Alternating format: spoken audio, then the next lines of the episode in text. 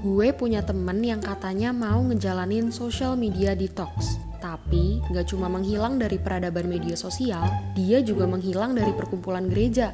Bilangnya sih mau menjernihkan pikiran dan membatasi diri dari orang-orang sekitar. Tapi gue tetap lihat dia aktif berinteraksi di seminar online yang diwajibin sama kampus. Nah loh, Sebenarnya lo mau absen dari dunia atau dari Tuhan? Ibrani 10 ayat 25 ngingetin kita untuk jangan menjauhkan diri dari pertemuan-pertemuan ibadah. Tetapi marilah kita saling menasihati dan semakin giat melakukannya menjelang hari Tuhan yang mendekat. Di saat banyak orang yang rindu untuk sama-sama beribadah kepada Tuhan, lo malah mau membatasi diri bahkan dari orang-orang yang mencari Tuhan.